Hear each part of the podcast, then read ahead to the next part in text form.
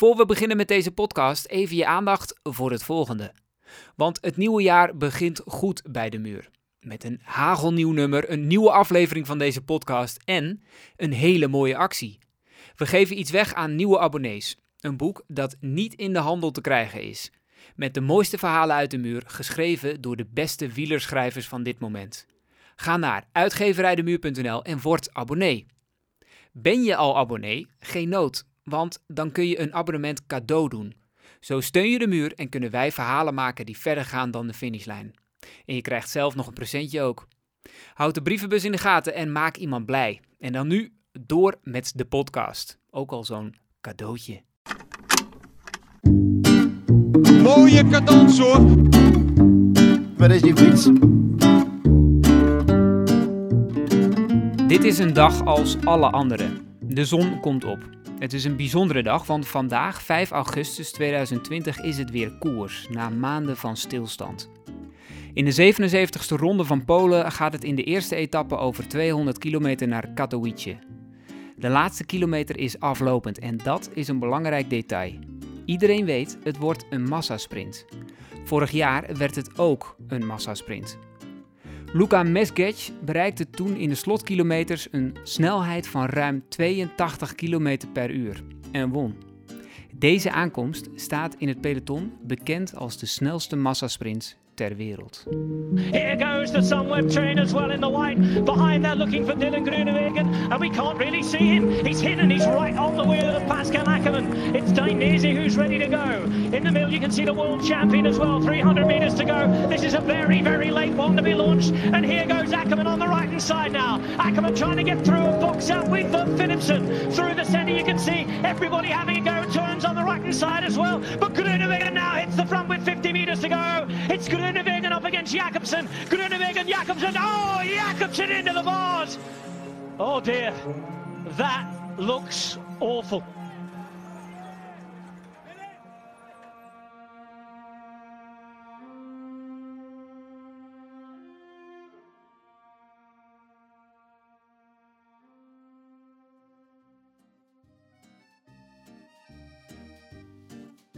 Dit is het Muurcafé, de podcast van literair wielentijdschrift De Muur. Tegenover mij zit Nando Boers en met hem ga ik het hebben over de sprinters die ze ooit waren. Dylan Groenewegen en Fabio Jacobsen zouden sprintkoningen worden. Of dat waren ze eigenlijk al, maar één sprint veranderde alles. Het was toeval dat Nando ze allebei interviewde nog voor die crash. Het hadden onbezorgde stukken moeten worden, over sprinten natuurlijk. Het werd een, in mijn ogen, melancholische terugblik op de sprinters die ze ooit waren. Nando, welkom. Ja, hartelijk dank. Café Le Mur, une belle histoire, une magazine et une podcast.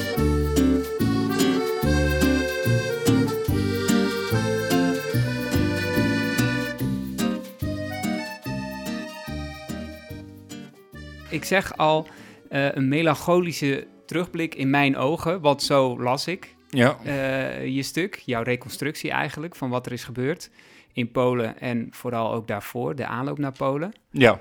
Jij Ja. was het niet helemaal eens met mijn visie dat het een melancholisch stuk is. Nee, Waarom ik ben niet? het ook niet eens met het feit dat het een reconstructie is. Want dat, Oh, zou, in, dat zou inhouden dat ik ze daar, deze sprint, die, die waar, waar- waarvan we net het Engelse verslag horen, eh, dat ik ze gesproken heb. En dat is niet, niet het geval. Eh, ja, ja, ik kan er natuurlijk niet, niks aan doen als het melancholisch overkomt. Ja, daar zou ik natuurlijk als schrijver wel wat aan kunnen doen, want dan heb ik het misschien verkeerd geschreven. Dat zou natuurlijk Ja, kunnen. maar de titel... eh, Ja, de, de dus- titel, ah, ja, dat snap ik. Dat je daar denkt, dat is eh, omdat het in het verleden zit. Dat, nou ja. dus- Nou, dus daar hangt iets van. Hè? De sprinters die ze ooit waren, de onbezorgde sprinters, maak ik er dan meteen even van. ja, Komt dat ooit terug? ja, dat weten we Vraag natuurlijk niet. af. Maar het, het, eh, misschien is het handig om te vertellen waarom ik dit verhaal, hoe dit verhaal tot stand is gekomen. Want dan, dan zal je begrijpen, eh, eh, misschien meer wat ik, wat ik, wat ik, waarom ik Ja, de vraagtekens heb bij melancholisch. Kijk, ik maak voor de muur al misschien al bijna tien jaar, denk ik. ehm, en lezers van de muur zullen dat weten, denk ik, hoop ik. ehm, een interviewserie die heet Beroep Wielrenner. Waarin ik actieve wielrenners, dat is wel belangrijk, dus geen gestopte, maar actieve wielrenners uit het peloton interview over de manier waarop zij ehm, hun vak beoefenen, uitoefenen. Wat ze daarvoor doen, hoe ze het doen, waarom ze het doen, hoe ze ermee zijn begonnen. Ehm, en normaal gesproken is het, tenminste mijn intentie is om het zo te, het gesprek zo gelaagdheid te geven dat als ik met hun klaar ben, dat ik ze eigenlijk ook niet meer, nooit meer hoef te spreken. Ja, wel omdat het leuk is, maar niet meer omdat ik, omdat weet ik eigenlijk alles van de manier waarop ze hun werk uitvoeren. Nou, dat heb ik met Fabio eh, Jacobsen en Dylan Groenewegen, ik dat in het voorjaar gedaan. Mhm. Ik werk vaak vooruit, omdat het soms gewoon handig is. En Ja. omdat ik hun altijd vraag, al die wielrenners zijn inmiddels nu denken we bijna 40. Eh, Ik, zeg, ik vraag aan hun heel veel, heel veel van hun tijd en heel veel van hun... eh, nou Want hoe lang interview, interview je ze dan eh, dat gaat voor sommige, eh, er zijn erbij die, die hebben meerdere dagen geduurd. Dus gewoon verspreid over, dus niet hele 24 uur lang, maar gewoon dat we dachten, nou, dan zijn we allebei moe, we een andere keer verder gaan. Ja. Gemiddeld is het tussen de drie en vier uur.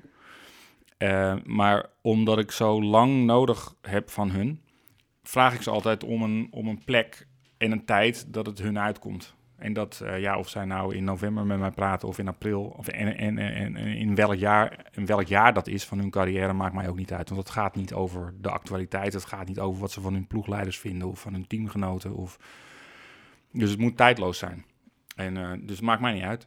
Dus ik werk vaak vooruit. Dat heb ik in dit geval ook gedaan. We zaten natuurlijk in die corona-eerste lockdown.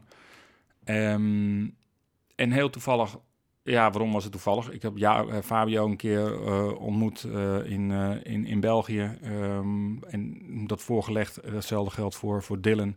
En toevallig kwamen ze allebei binnen een maand. Zeiden ze van, nou, dan en dan wil ik dat graag doen. Dus het verhaal van Fabio had ik eigenlijk al klaar. Het, het gewone interview Ja. zoals ik het altijd doe, vraag-antwoord.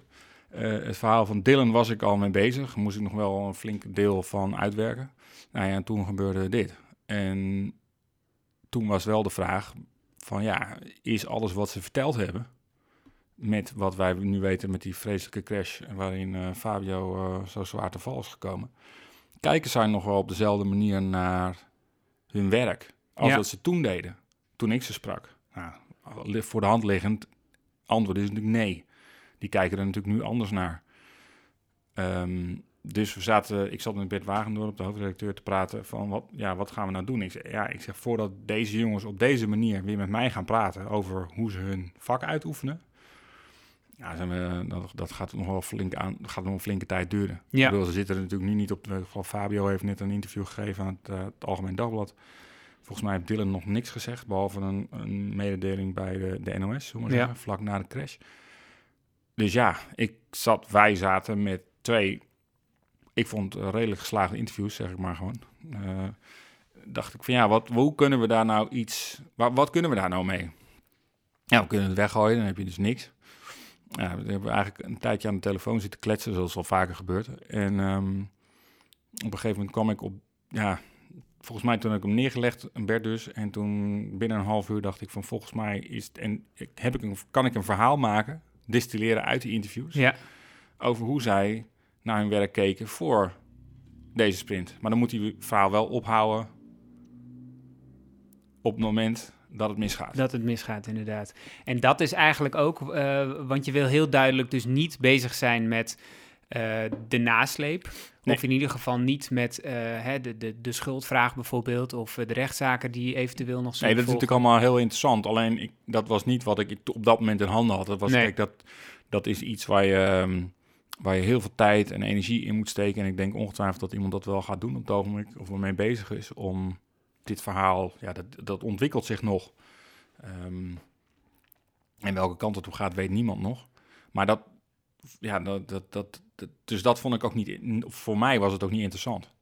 Want ik had dit materiaal. En ik dacht, hoe ga ik met dit materiaal nog iets maken wat ter zake doen is? Met die interviews in je zak, hoe, hoe heb je gekeken naar die crash? Eh, zag je het live? Nee, ik zag het niet live. Ik moet even goed nadenken waar ik was. Ik, ehm, Nee, dat weet ik eigenlijk niet eens meer. Ik denk dat ik een berichtje kreeg van... Ja, zo ongetwijfeld zoals het tegenwoordig gaat. Heb je dat al gezien? Ja. Of iemand laat je een filmpje zien of zo. Ik weet, ik weet het echt niet meer. Het was eh, geen idee. Ik weet niet eens meer waar ik was.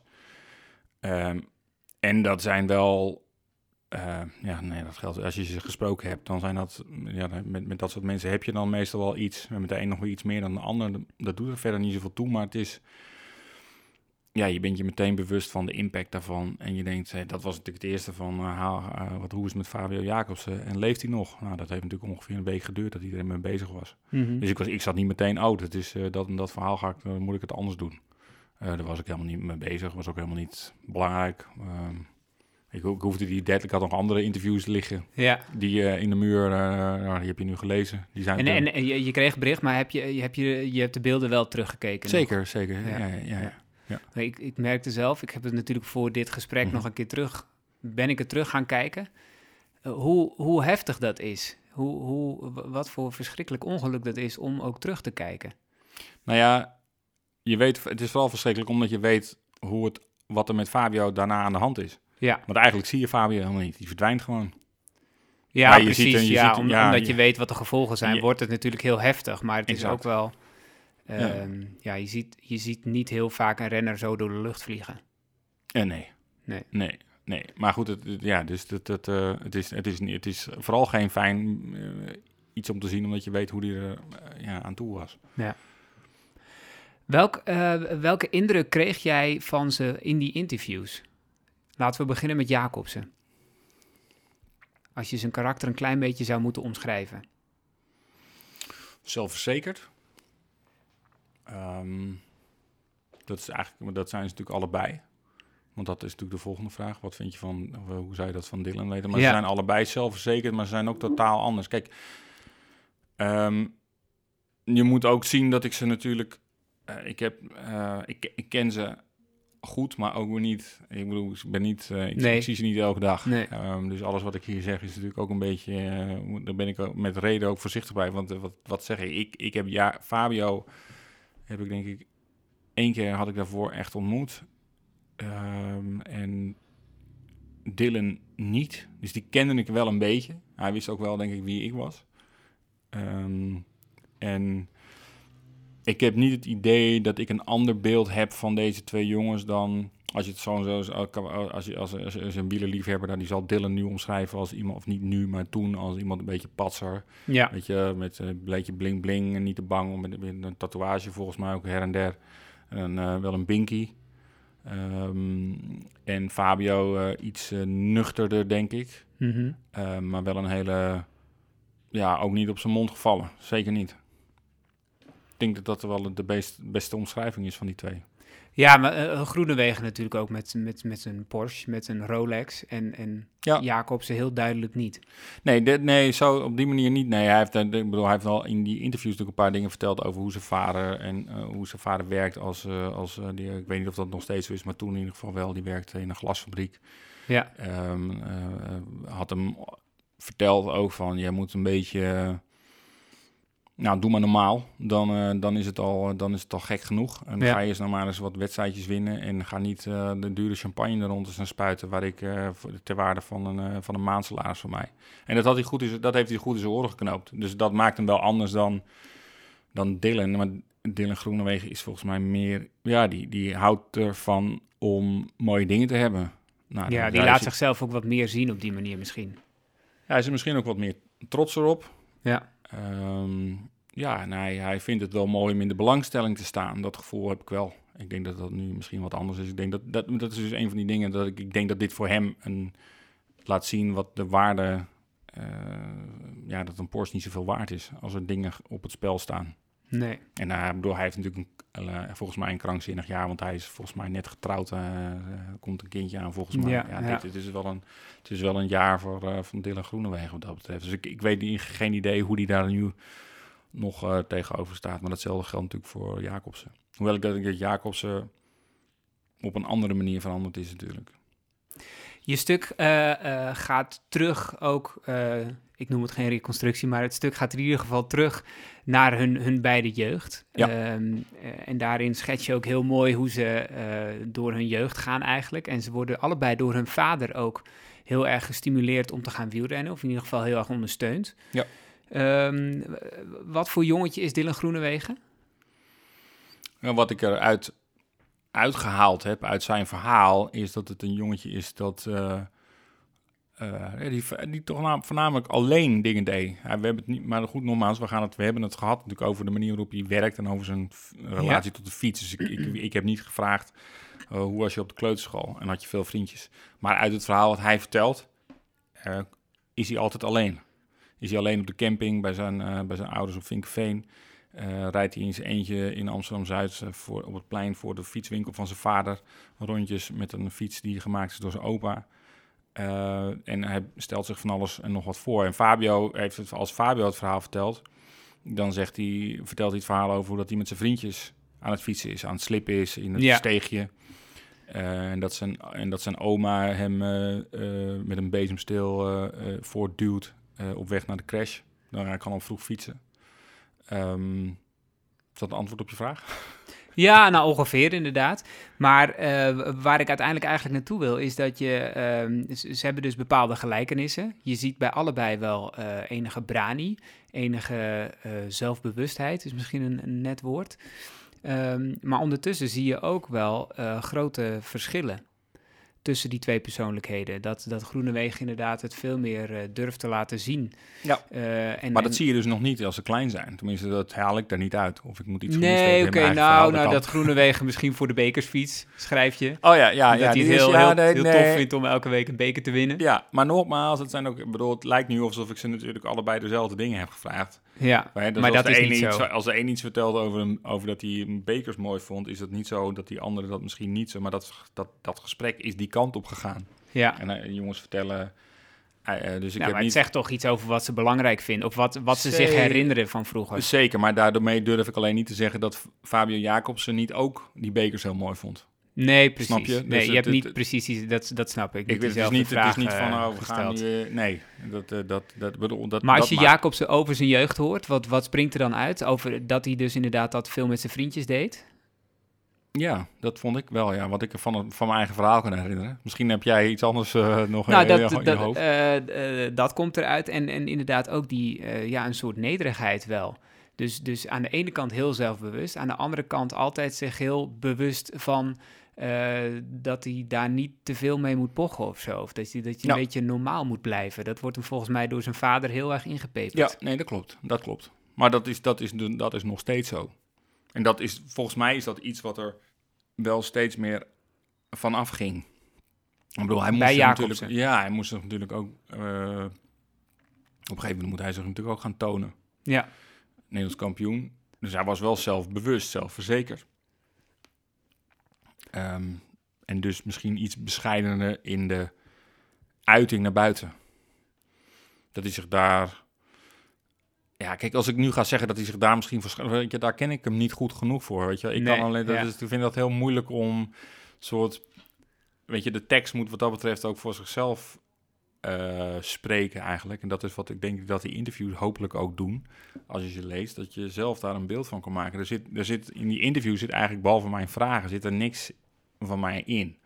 Nee. Wat ik op zich heel prettig vind. Ik bedoel, Ja. ik kan me vreselijk storen aan mensen die zichzelf te veel op de voorgrond treden. Dat gebeurt nog alles in de journalistiek. En dat probeer ik te vermijden. En ik hoop dat ik, en dat, daarom maakt het dat ik vind, je merkt ook aan mij dat ik het moeilijk vind om naar iets Ja. eh, vooral ook omdat die jongens zo kwetsbaar zijn nu. Weet je, ik vind mezelf dan... En dan praat ik hierover en denk ja, maar wie ben ik nou om over deze jongens te praten? Ik bedoel, ik heb er een verhaal over gemaakt, ik heb ze gesproken. Ehm, nou, en ik praat nu omdat het voor de muur is, mijn geliefde muur. ja. Maar ieder ander zou... Je had er liever niet ik over denk dat praten iemand, ik denk, ik denk dat als, ehm, als eh, het Radio 1 journaal of weet ik veel wat voor programma hier, dan zou ik daar, eh, dan, zou, ja, dan zou je ook kunnen zeggen, waarom doe je het voor de muur wel?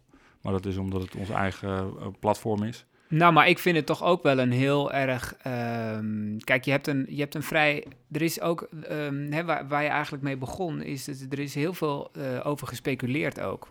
Ehm, er is heel veel gezegd over de gevolgen hiervan. Over bijvoorbeeld de gevolgen die het mentaal voor ze zou hebben.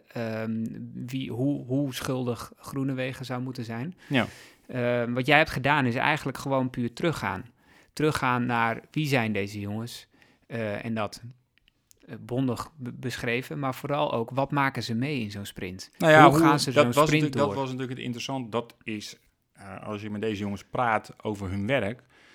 kijk, zij kunnen ons iets vertellen over een fenomeen van wielrennen wat alleen zij kunnen vertellen. Ja, En, en waar wij als toeschouwer ook echt geen idee van hebben. Hè? Hoe het er in zo'n gaat sprint zo snel. gaat. het gaat zo snel en de camera ziet, lang, ziet helemaal niks. En die Ja, zijn een ook niet beetje. In het ja, je hebt soms wel eens van die beelden in het peloton en dan, dan schrik je al helemaal dood wat, wat Ja. er allemaal gebeurt. Precies. En wij hebben daar ook nog een, eh, een, eh, een bepaald beeld bij als we dat zien in ons hoofd. En dat maken we dan of erg of minder erg. Want ik toevallig eh, vorige maand Ramon Sinkeldam gesproken, die de sprint aantrekt voor Arnaud de Maar, voor diezelfde serie. En die wordt wel eens aan de meet gevraagd van, eh, joh, dat ging, eh, was mijn kantje boord. Dat hij dan denkt, eh, wat, wat dan precies? Want zo gaat het altijd. Of ik had, we hadden helemaal geen... Dus het is geen idee dat het zo... ja, misschien is het op jullie overgekomen zo, maar jullie maken er ook wat meer van dan het is. En, en ehm, dat maakt praten met die wielrenners over, over zo'n sprint... is een heel mooi... Omdat, ze het naam, omdat het zo intens is, voor hun ook... Hoe ze dat doen, is, is het is iets wat 30 seconden duurt, kunnen zij een uur over praten. Ja. Ehm, en ze praten er ook allemaal anders over. Want ik heb dus natuurlijk niet de enige sprinters die erover praten ehm, in de afgelopen jaren. Dus het is een heel dankbaar onderwerp. Hoe, hoe groot was het, eh, het, het onderwerp sprinten aanvankelijk in het interview, bijvoorbeeld met Jacobsen, wat je al af heel groot, heel groot. Kijk, dat is uiteindelijk wat hij kan. Dat Ja. is wat hem, wat, dat, dat is wat hem bijzonder, wat hem, wat hem ehm, anders maakt dan andere wielrenners. Dat hij dat heel goed kan. Net zoals dat iemand die heel goed kan afdalen. Ja. Ehm, ja, ik, je kan wel met welke andere sprinter praten over hoe het is om een sprint te rijden. Maar er zijn er nu in Nederland maar twee die het heel goed kunnen. Ja. Ja. maar twee. Het zijn er twee die het heel goed kunnen. Ja, maar dat is, dat is natuurlijk jaren niet zo geweest. Dit is echt een onbekende wilde. Dit Precies, maar van- daarom is het dus interessant om met hun zo diep daarin te zitten. Ja, En, eh, en dus is het ook een groot deel van het verhaal. Want dat, ja, wat ik zeg. Kijk, ik bedoel, in die interviews zitten, eh, zitten altijd wel een beetje dezelfde soort. Ik bedoel, ze, ik bedoel ze, ze werken allemaal in een peloton. Dus dat gaat altijd wel over het peloton. Ze zijn allemaal op reizen, zijn allemaal ooit een keer begonnen met fietsen. ja. Eh, de ene wint veel, de ander wint niks. Maar Mhm. binnen is, daar gaat het, is toch waar het om gaat. Dus daar kun je altijd wel over praten. Over wat voor plek dat het nu heeft in hun leven of niet meer. Of ehm, eh, vindt Ramon Sinkeldam winnen als Arno de Maar wint net zo tof als dat hij zelf wint? Antwoord is ja, kan ik alvast verklappen. Geloof je dat? Ja, dat geloof ik wel, ja. Nou ja, als je zijn hele verhaal weet over waarom hij fietst en hoe hij zijn werk doet, Ja. dan begrijp ik wel waarom hij daar net zo blij mee is als dat hij zelf wint. Dit is al een Het is namelijk voor hem ook veel eh, belang, is een voor het volgende voor- nummer. voor maar- nog een nummer. voor het, voor, voor het, eh, voor het voorjaarsnummer. Maar eh, hij weet dat als, en dan zal ik hem meteen maar vertellen waarom, dat als hij wint, is het niet zo belangrijk voor die ploeg. Maar als Arno de Maar wint, is het veel belangrijker voor die ploeg. Dus is hij veel blijer als de Maar wint dan als dat hij wint. Want als hij Ja. wint, dan denken ze, ja, oké, nou prima. Ja, tenzij je natuurlijk een etappe in de Tour wint. Want dan praten we over andere dingen. Maar als je, over kleine wedstrijdjes wint, ja, het zal wel. En daar wordt er natuurlijk ook nog op afgerekend. Want hij is aangenomen om eh, sprints aan te trekken. Precies. En als die eh, succesvol worden afgerond, dan heeft hij zijn werk ook goed gedaan. Exact. Maar goed, dus, dus, zo, dus, maar er zitten dus altijd een- paar elementen in zo'n verhaal die een beetje hetzelfde zijn voor elke wielrenner. Eh, maar ja, ze hebben dus allemaal hun, hun eigen, ehm, eigen kern, zullen maar zeggen. Ja. En de kern van deze twee is natuurlijk gewoon dat ze goed konden sprinten. En je beschrijft tot in detail hoe zo'n sprint dan gaat. Althans, ik. zij hebben het je verteld en Ja. jij hebt het keurig eh, Nou ja, ik heb er natuurlijk niet... opgeschreven. Ik heb het niet, ik bedoel, ik heb daar wel iets mee, in zoverre mee gedaan dat ik het wel in een volgorde heb verteld. En ik bedoel, het is niet een letterlijke, het zijn geen citaten van hun. Nee, Dus ik heb het door elkaar geweven. En ik heb ook een paar dingen wel eens, denk ik, wel gebruikt over die ik nog weet van andere interviews. Van, eh, nou ja, noem, noem de Ja. spins maar op. Ja. Om daar een idee van te geven over wat voor hun, hoe dat dan, hoe dat dan gaat. Ja. En welk idee heb je daarvan gekregen van ze? Wat, wat, wat, sprong, eh, wat, wat sprong er voor jou uit? Nou ja, dat ze natuurlijk allebei weten hoe gevaarlijk het is. En Dat, ze, Ja. al, dat geldt trouwens voor alle sprinters. Hoor. Dus wat dat betreft, wat is nou het... eh, het- ja, het interessante is dat... eh, dat, dat het zit hem in details dat Fabio bijvoorbeeld zegt... dat het helemaal geen zin heeft om te gaan duwen en trekken. En dat je beter iemand dan maar kan laten lopen. Ja. Eh, en dan, dan eh, en dus de kalmte bewaren eigenlijk. Hoewel wij altijd denken dat het chaotisch is. En dat als je op een goede plek zit, dat het beuken natuurlijk helemaal... Dat het gebeurt achter hun, niet voor hun. Of niet bij hun eigenlijk. Ja, wat ik een beetje las is eigenlijk de, En de hij weet- wereldtoppers die, die, die zijn niet chaotisch. De, nee, de, de echt goede... die, vanaf plek 10 zijn ze chaotisch. Zeg Ja, daar zit het gevaar. Ehm, en dat hij zegt, ik ga ook... Dat weet ik van Jacobsen nog, dat hij zegt... Of zij iets in de trant van... Als ik ga... Als ik denk dat ik ga risico, te veel ga vallen, als er risico is op vallen, doe, dan doe ik het al niet. Nee, Want dan weet ik, als dat het risico, als ik die risico, dan ga ik ook niet winnen. Ik vond het vooral opmerkelijk. Of opmerkelijk, maar ik vond het wel mooi gezegd. Ja, want je, je hebt misschien eh, het idee van sprinters dat ze risico's nemen waarvan, je, waarvan ze niet goed kunnen inschatten of het wel of niet goed zal gaan. Maar ja, Ja. goed, de dood of de gladiolen. Nou, maar Eh. blijkbaar dus wel. Hij in ieder geval wel. Ja, En wat ik ook wel aardig vond, daar kwam ik in zoverre zelf achter, dat ik vroeg op een gegeven moment, hebben jullie nou, omdat het zo snel gaat, volgens mij was dat Dylan die dat zei, dat, an- dat antwoord op deze vraag. Ik vroeg hem van, weet jij altijd, ehm, als je die sprint gaat beginnen, met wie je dat duel aangaat? ja. Welke van de vijf? Nee, dat weet hij natuurlijk niet. Nee. Hij pas na de finish komt hij erachter, oh, die was eigenlijk best wel goed. ja. Ja, als hij gewonnen heeft, ziet hij natuurlijk meteen als hij zelf gewonnen heeft. En dan ziet hij natuurlijk niet wie de tweede is geworden. Want dat hebben ze. Dat vond ik ook wel grappig. Dus ze hebben geen idee met wie ze dat duel gaan uitvechten. Er komt, er komt er dus eentje naast. Of, ja, en dan, dan, dan is dat het. Nou, dat had ik zelf, daar denk je helemaal niet. Tenminste, ik heb daar nog nooit over nagedacht als ik, een, als ik een sprint zat te kijken. Wat ik, wat ik me nu bedenk eigenlijk, nu, je- nu je dit zo zegt, en ik heb natuurlijk het stuk gelezen, eh, dat dat stuk wat je hebt gemaakt eigenlijk op geen enkele manier een verklaring is voor wat er is gebeurd. Eigenlijk misschien juist het tegenovergestelde. Ja, nee, maar ik ben daar ook niet naar op zoek geweest. Dat was ook niet de intentie van het verhaal. Hey, iedereen zit natuurlijk heel vaak te zoeken van wat, waarom iets gebeurd is. Ja. Maar dit is Maar dat is misschien niet altijd even interessant. niet. Nou, waarom iets gebeurd is. Je kan, of, je- ja, mo- moet, is, eh, eh, misschien is het dan heel raar wat, waarom ik dat nu zeg, maar we zoeken altijd in verhalen altijd naar verklaringen de hele tijd. Ja. Ehm, nou, is dat misschien in de journalistiek is dat eh, logisch. Als je gewoon een dagblad... eh, maar dit is natuurlijk geen journalistiek. Dit ja, maar ik denk dat heel veel toeschouwers ook naar verklaringen op zoek zijn of waren. Ja, maar soms zijn dit- die er in nog dit niet. Hè? verhaal. Nee. Maar in ieder geval, dat, dat is dus ook wat, wat me opvalt aan dit stuk. Je hebt ze allebei gesproken. Je, je hebt een bepaald idee gekregen van hoe ze zo'n sprint beleven. Eh, en als je dat opschrijft met de kennis van wat er daarna is gebeurd, dan valt dat bijna eh, niet zo goed met elkaar te rijmen, zeg maar. Dat je denkt van, hè, maar, ze, Ja, maar is dus- Jacobsen ja, je- ga- zoekt niet een gat op wat te gevaarlijk is volgens hem. En Groenewegen die wil niet vechten met anderen, omdat hij denkt, ik moet gewoon, eh, als je dat niet doet, dan ben je... eh, Nee, maar wat ik je dus wil, wat ik dus, wa- waarom ik ook per se wilde stoppen vlak voor dat moment. Want we weten natuurlijk allemaal, ik bedoel, Dylan heeft het zelf ook gezegd. Ik heb iets gedaan wat ik niet had moeten doen. Ja, Maar dat weet iedereen toch? Tenminste, de lezers van de muur weten dat. ja. Nou moet ik het dan nog een keer zeggen. Ik vond het interessanter om wat er vooraf gebeurt. Want we weten, de nasleep horen we bij wijze van spreken elke dag nog van. Dat blijft Ja. zich ontwikkelen. Dus alles wat ik daar nu over zeg, is over twee dagen weer anders. Kan anders zijn. Ja. Ik bedoel, eh, nou wist ik toevallig dat dat verhaal met Jacobsen, wat laatst in de, het AD stond, wist ik dat er aankwam. Maar voor hetzelfde geld weet je het niet. En dan maak je dit verhaal. En dan heb je daar verklaringen in de muur. En dan, komt er, en dan gaat opeens Dylan of, of Jacobsen gaat iets vertellen. En dan is dat hele verhaal weg. We gaan even naar een paar fragmenten van de hoogtepunten van eh, zowel Groenewegen als Jacobsen.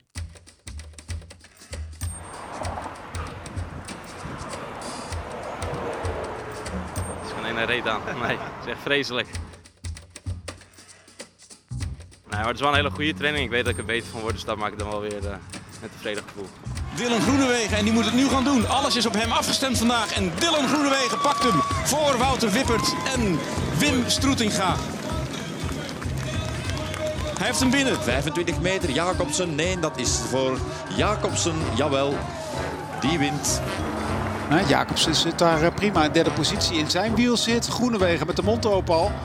Jacobsen tegen Groenewegen. Oeh, Groenewegen krijgt er even een kwakje, maar komt er nu uit. Het wordt een Nederlands 1-2'tje opnieuw en het wordt Groenewegen. Nee, Jacobsen. Jacobsen hè. Jacobsen pakt hem. Wat een duel dit, hè? 250 meter gaat Groenewegen. Trekt hem dan ideaal aan voor Christophe en Boas van Hagen. Daar komt in het rood, in het midden, komt daar Kruipel. Matthews is gezien. Nog steeds Groenewegen. Groenewegen nog op kop. Groenewegen, ga je dit volhouden? Daar komt Kruipel. Maar het is, ja, ik denk dat het hem is. Groenewegen. 24 jaar en dan hier winnen. Hoe dan? Gewoon rijden. Jacobs in derde positie. En nu gaat Richese op het perfecte moment. Richese en dan Jacobs. Dit is jouw kans. Dit is jouw kans. Molaan op de rechterkant. Richese. En nu gaat Jacobs zijn sprint inzetten. Jacobs tegen eh, Bennett en tegen Gaviria. Gaat Jacobs hem pakken. Jacobs of toch Bennett. Jacobs of Bennett. En het is... Oh. It's Jacobsen off to the left. It's Jacobsen holding on. Fabio the Fabulous. Ja, ja, ja. Dit moet familie zijn. ja. Toch? Ja, soort. Ja. Nee, best wel. Ja. Gelooflijk dit? Ja. Ja. Er vallen last van hem af, denk ik nu. Uh, hij is maar 22, maar er staat zoveel druk op. Het gewone Vuelta-rit. Ja. Ongelooflijk, hè? Ja, ja, ja, ja, ja. Geniet ervan. Dankjewel. Ja, dat was zijn vader nadat uh, Jacobs een rit in de Vuelta had gewonnen. Um, er, kwam, er zat nog een mooie uh, anekdote in over zijn vader. Namelijk, hè, zijn vader werkt in een glasfabriek, zoals je zei, in, uh, in Leerdam. Die maakt ook champagneglazen en die heeft een keer tegen hem gezegd, denk ik, of maak ik hieruit op, dat... ja, ga verder. dat, dat, dat die champagnefles die Jacobsen op een, uh, op een podium na een overwinning leegspuit, dat hij daar een maand voor moet werken.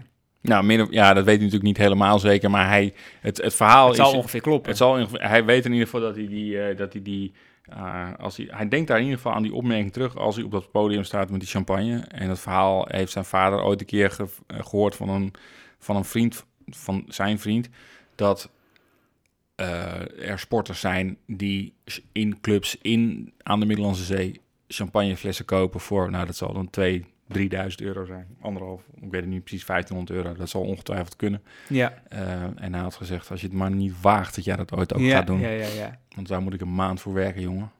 En die sportauto, die... Uh... Ja, die koopt hij ook, daar vertelt hij ook iets over dat hij die pas gaat kopen. Uh, nou ja, hij koopt eerst die, eerst die auto voor zijn vader, geloof ik, en dan voor zichzelf. Ja, of hij, koopt, hij wil eerst dat zijn vader niet meer werkt. Ja, precies. En dan, pas ja. dan, dan, ja. dan, dan koopt hij een sportwagen. Nou, ik weet hij heeft in ieder geval, uh, toen hij dat vertelde, was het, klonk heel aannemelijk dat hij dat ook inderdaad zo zou gaan doen. Wat ik ook een, een, een interessant gegeven vind, is, is hoe die familie uh, meekijkt. Het is natuurlijk, het moet bloedstollend zijn en, en, en eigenlijk afgrijzelijk om uh, vader, moeder, ja. vriendin, zusje, broertje van een sprinter te zijn.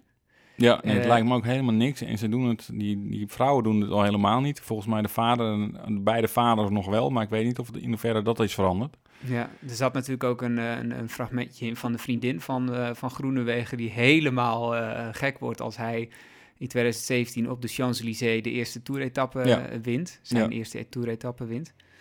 Um, maar um, je beschrijft ook dat zij inderdaad dus gewoon helemaal niet kijkt. Nee, dat vertelde dat ja, inmiddels niet meer. Ja, dus inmiddels zeg maar vooraf aan de crash, zullen maar zeggen. Ja.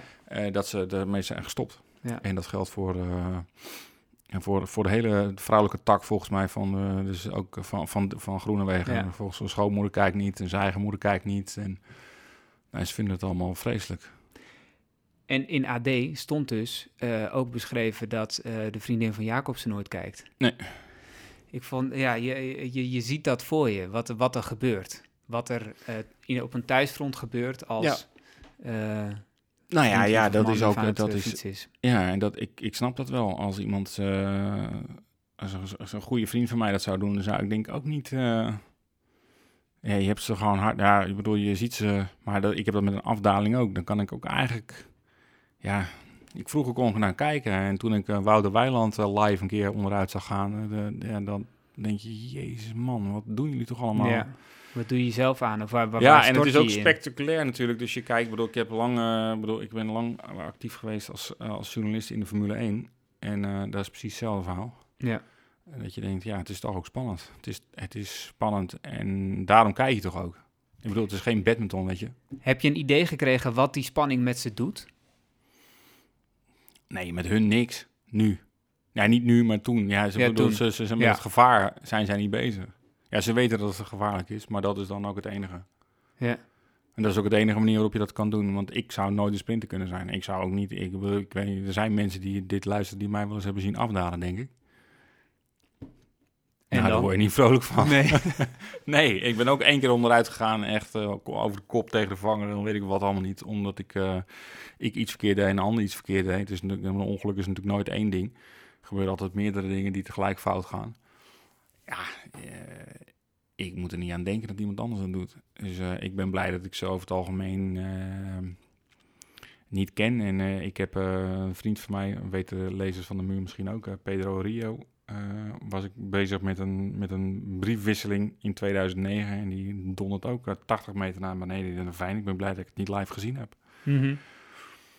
Ik bedoel, ik weet wat nog, en daar weet ik nog precies van waar, ik bedoel, je vroeg net, maar ik weet, ik weet nog precies waar ik was toen ik dat bericht hoorde. Ja. Weet je wel. Ehm, dus het is niet een hele leuke, fijne sport als je geliefde dat doet. Kijk, kijk je er anders naar eh, sinds dat ongeluk ook? Van Orio. Ja? Ja, in zoverre dat het me altijd verbaast eh, hoe weerbaar zo'n lichaam is. Ja. Dat je denkt, dit is onmogelijk. Ik heb met Pedro, ik, eh, we zijn een, een jaar, denk ik, een jaar later, anderhalf jaar later, ik weet niet meer precies, eh, terug geweest naar die plek. Toen hij voor het eerst met, een, met iemand anders daar naartoe ging. En dan kijk je naar beneden en dan denk je echt, oké. Ze gooit er zo'n steen naar beneden. Dan denk je, nou, gaan ze verwachten tot hoe lang het duurt voordat wat beneden is. Het is onwaarschijnlijk. Ja. Ehm, dat daar dus mensen nog gewoon, ja, dat is wat mij verbaast. Was dat de vraag? Ik was de vraag even kwijt. Ik zat even terug Nou, de vraag eh, was eigenlijk, eh, of indirect was de vraag: kun je kun je, je voorstellen wat, wat eh, die mensen meemaken als ze zoiets zien? Hè? De- de- ze kijken niet tijdens de sprint, maar Ja, dat is de staan- familie, hè, bedoel je nu? Ja, Ja. dat, dat, dat als er zo'n ongeluk gebeurt, sinds je dus zelf van dichtbij hebt meegemaakt dat, eh, dat iemand dat overkomt. Ja, maar dat is totale paniek volgens mij. Ja. Dat is totale paniek, dat kan niet anders. Dat zou ik, ja, ik bedoel, je zit, dat, dat, is, dat is niet voor te stellen. En volgens mij, de, de Ramon Sinkeldam, nogmaals voor het volgende nummer, dus in het voorjaar, die ook een keer vertelde dat hij plat op zijn bek ging in een ronde van Noorwegen. En, en, en niet, niet bewoog. Vijf seconden lang. En daarna ging de camera weg. Dus die vriendin die Ja. gek. Kijk ook nooit meer naar de sprint. Nee. Het is gewoon traumatisch. Het is gewoon niet, het is niet wat je wil. En dat Nee. is niet, dat, en dat zijn zulke intense momenten dat ehm, ik geef het je te doen om daarmee om te gaan. Ik, ben, ik, eh, dat, ik heb geen idee hoe die jongens dat gaan doen, hoe ze dat gaan vertellen bij hun familie. En ik denk ook niet dat ze weten hoe ze. Ik, ik, ik denk dat, is, dat ze geen idee hebben over hoe het is om straks een sprint te rijden. Nee. Ik denk zelfs dat het voor Fabio nog makkelijker is dan voor Dylan. Omdat Fabio, Fabio, zei in het interview met AD in ieder geval. ehm, ik heb heeft het geen herinnering meer Ja, aan. eh, nee, ik heb het niet meegemaakt. Dus ik, ik, Nee, eh, dat is ik denk dat ik niet bang ben. Of dat dat in ieder geval in mijn voordeel is. Ja, dat denk ik. Dat ken, herken ik van eh, Formule 1-coureurs die zware crashes hebben gehad, die daar niks meer van weten. Ja. Die dus, eh, ja, denk je van ja, oké, ik weet nog dat ik wakker werd die ochtend en ik weet nog dat ik die en die hallo heb gezegd. Mhm. De start zullen we ongetwijfeld gedaan, maar ik heb geen idee. Dat is Niki Lauda bijvoorbeeld, die dat heeft, heb ik wel eens gelezen. Het Van. is bizar hè, dat, die, dat dat wissen van die herinneringen eigenlijk verder teruggaat dan het ongeluk. Of is dat niet bizar? Dus vast Nee, als je korte, zijn. korte, korte termijn geheugen eh, Ja. is blijkbaar door, die, door, die, door, die, door dat trauma of door die klap is weg. Het moet ergens, ja, dat moet op, je moet dat toch opslaan, Ja. denk ik. Maar goed, ik ben er geen specialist in. Maar dat is wat je vaker hoort, dat, het, dat de angst voornamelijk erin zit eh, als je het nog weet. En Dylan Groenewegen heeft het wel allemaal meegemaakt. En, en Ja. vertelt ook, eh, of, of eh, dat is door anderen verteld, denk ik, dat hij echt in shock was daarna. Kort Ja. na de. Ja, dat heb ik ook gehoord, ja. Dat hij dat, dat, dat, dat, dat, of gelezen dat dat zo was. En dat, ja, dat verbaast me helemaal niks. Heb je ze ook over elkaar gevraagd? Toen nog natuurlijk onwetend, want nogmaals, voor de crash. Maar Nee, ze komen wel, ze hebben wel iets over elkaar gezegd. Volgens mij, maar niet, niet eh, volgens mij heeft Fabio iets gezegd dat die zei welke zijn oké. Toen zei ik, volgens mij noemt hij twee namen en Dylan is ook, eh, Ja. daar heb ik ook geen, geen, geen grote problemen mee. Nee. Nee. Nee, maar het is dus niet een. Het is, we hebben, het, ja, het, het, het- ze, komen, ze zijn elkaar tegengekomen. Dat is eigenlijk het verhaal natuurlijk. Ja. En ik heb ze niet over elkaar geïnterviewd. Nee. In een. ehm, ja, ze, ze, ze, ze zijn elkaar tegengekomen. eh, uiteindelijk natuurlijk ook in, in, in Polen. Waar dat hele verhaal toe leidt naar die finale. Die laatste meters, die beschrijf je heel neutraal. Je beschrijft het zelfs zo neutraal dat je op basis van dat verslag niet zou zeggen dat Groenewegen iets verkeerd heeft gedaan. Eh, terwijl daar volgens mij niet zoveel discussie is, over is. Wa- waarom heb je dat zo aangepakt? Ehm, nou ja, omdat het. Je geeft. eh, Ik vond dat dus niet. Voor dit verhaal vond ik dat dus niet zo interessant. Want dan ga je dus. Mijn bedoeling was om een verhaal te maken over hoe zij naar hun sport keken. En naar sprinten keken voordat dit gebeurde. En op het moment dat er. Uiteindelijk is wat Dylan, eh, die zwengt eh, als je van bovenaf kijkt, en volgens mij heeft hij daar ook al iets over gezegd. eh, Hij wijkt van zijn lijn af, hij gaat naar rechts. Mhm. Waar je Fabio Jacobsen voorbij ziet komen. Ja. Maar op dat moment dat hij dat doet, zet hij eigenlijk een hele serie gebeurtenissen in beweging.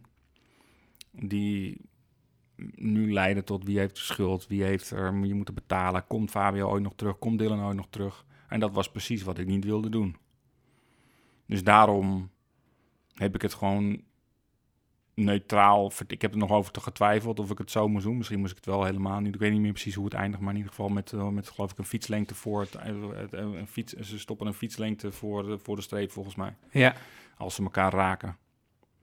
Nou, eh, eh, misschien kun je het zelf eens lezen. Ja, zal eens kijken wat ik ervan gemaakt heb.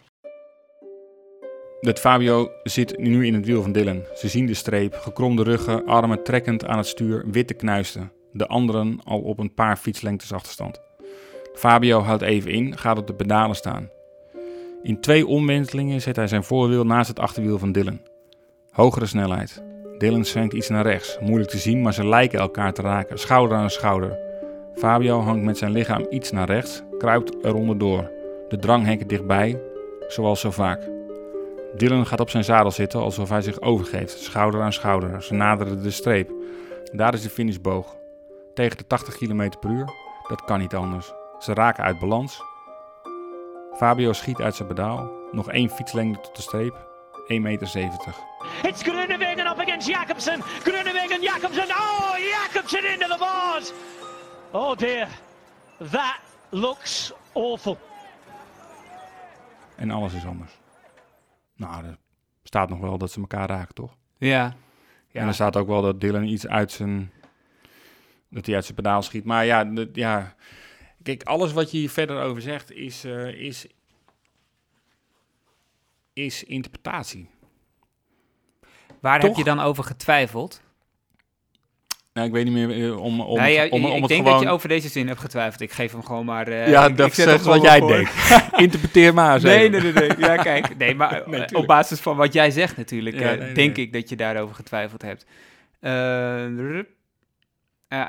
Oh ja, hier. Dylan zwenkt iets naar rechts. Nee, kijk, waar ik... Dat nee. is natuurlijk wat, Ja, je, wat er waar is. Ik, maar waar ik over getwijfeld heb, is het wat hiervoor staat, wat je niet weet. Is dat ik, ik in, in, afhankelijk stopte ik bij het verhaal dat Dylan Groenewegen, zijn vriendin, zijn toekomstige vrouw, het laatste deel niet kijkt. Ja.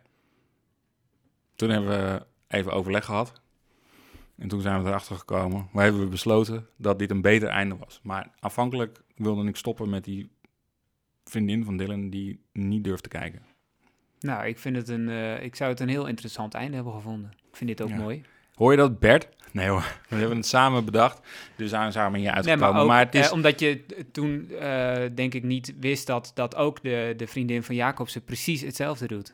Nee, dat Dus wist ook, ik toen ook, niet, nee. Ook wegkijkt, ook wegloopt. Ja. Nee, ja, goed, maar dat valt vanaf. Nu heb je het natuurlijk helemaal rond. Je gaat nu tot en met echt het moment dat, ze, dat, eh, dat er gevallen wordt. Tot, Ja. dat, dat ze allebei onderuit gaan. Ehm, dus dat. Dank dat je wilde vertellen over de sprinters die ze ooit waren. Ja. Een meeslepend verhaal. Dat wel. Ondanks de interpretatieloosheid. podcast bedacht hoe ik het zou moeten noemen. Ik noem het een eh, meeslepend verhaal. Eh, en dat verhaal staat in de muur 71. Die is natuurlijk te bestellen via de webshop op uitgeverijdemuur.nl. Dit was het Muurcafé, een podcast van de Muur. Ik nam eerder al een podcast op met Menno Haanstra over Fabio Jacobsen en zijn maatje Julius van den Berg. Menno schrijft voor de Muur over die twee renners die hij al jaren volgt op hun weg naar en in het profpeloton. Luister en lees zijn werk rustig terug. Ik zal de links in de show notes zetten. Dank voor het luisteren en uh, ik sluit af met een citaat van Jacobsen uit het interview dat hij gaf uh, in december aan Thijs Sonneveld van het AD. Hij zegt: We waren de twee snelste sprinters van Nederland. We hoorden bij de beste sprinters van de wereld. Het was het hele jaar al stuivertje wisselen. De ene keer won hij, de andere keer won ik. We zouden allebei naar de Giro gaan. We waren begonnen aan een duel, duel dat nog heel lang kon duren. Zo'n duel, daar draait het om in deze sport.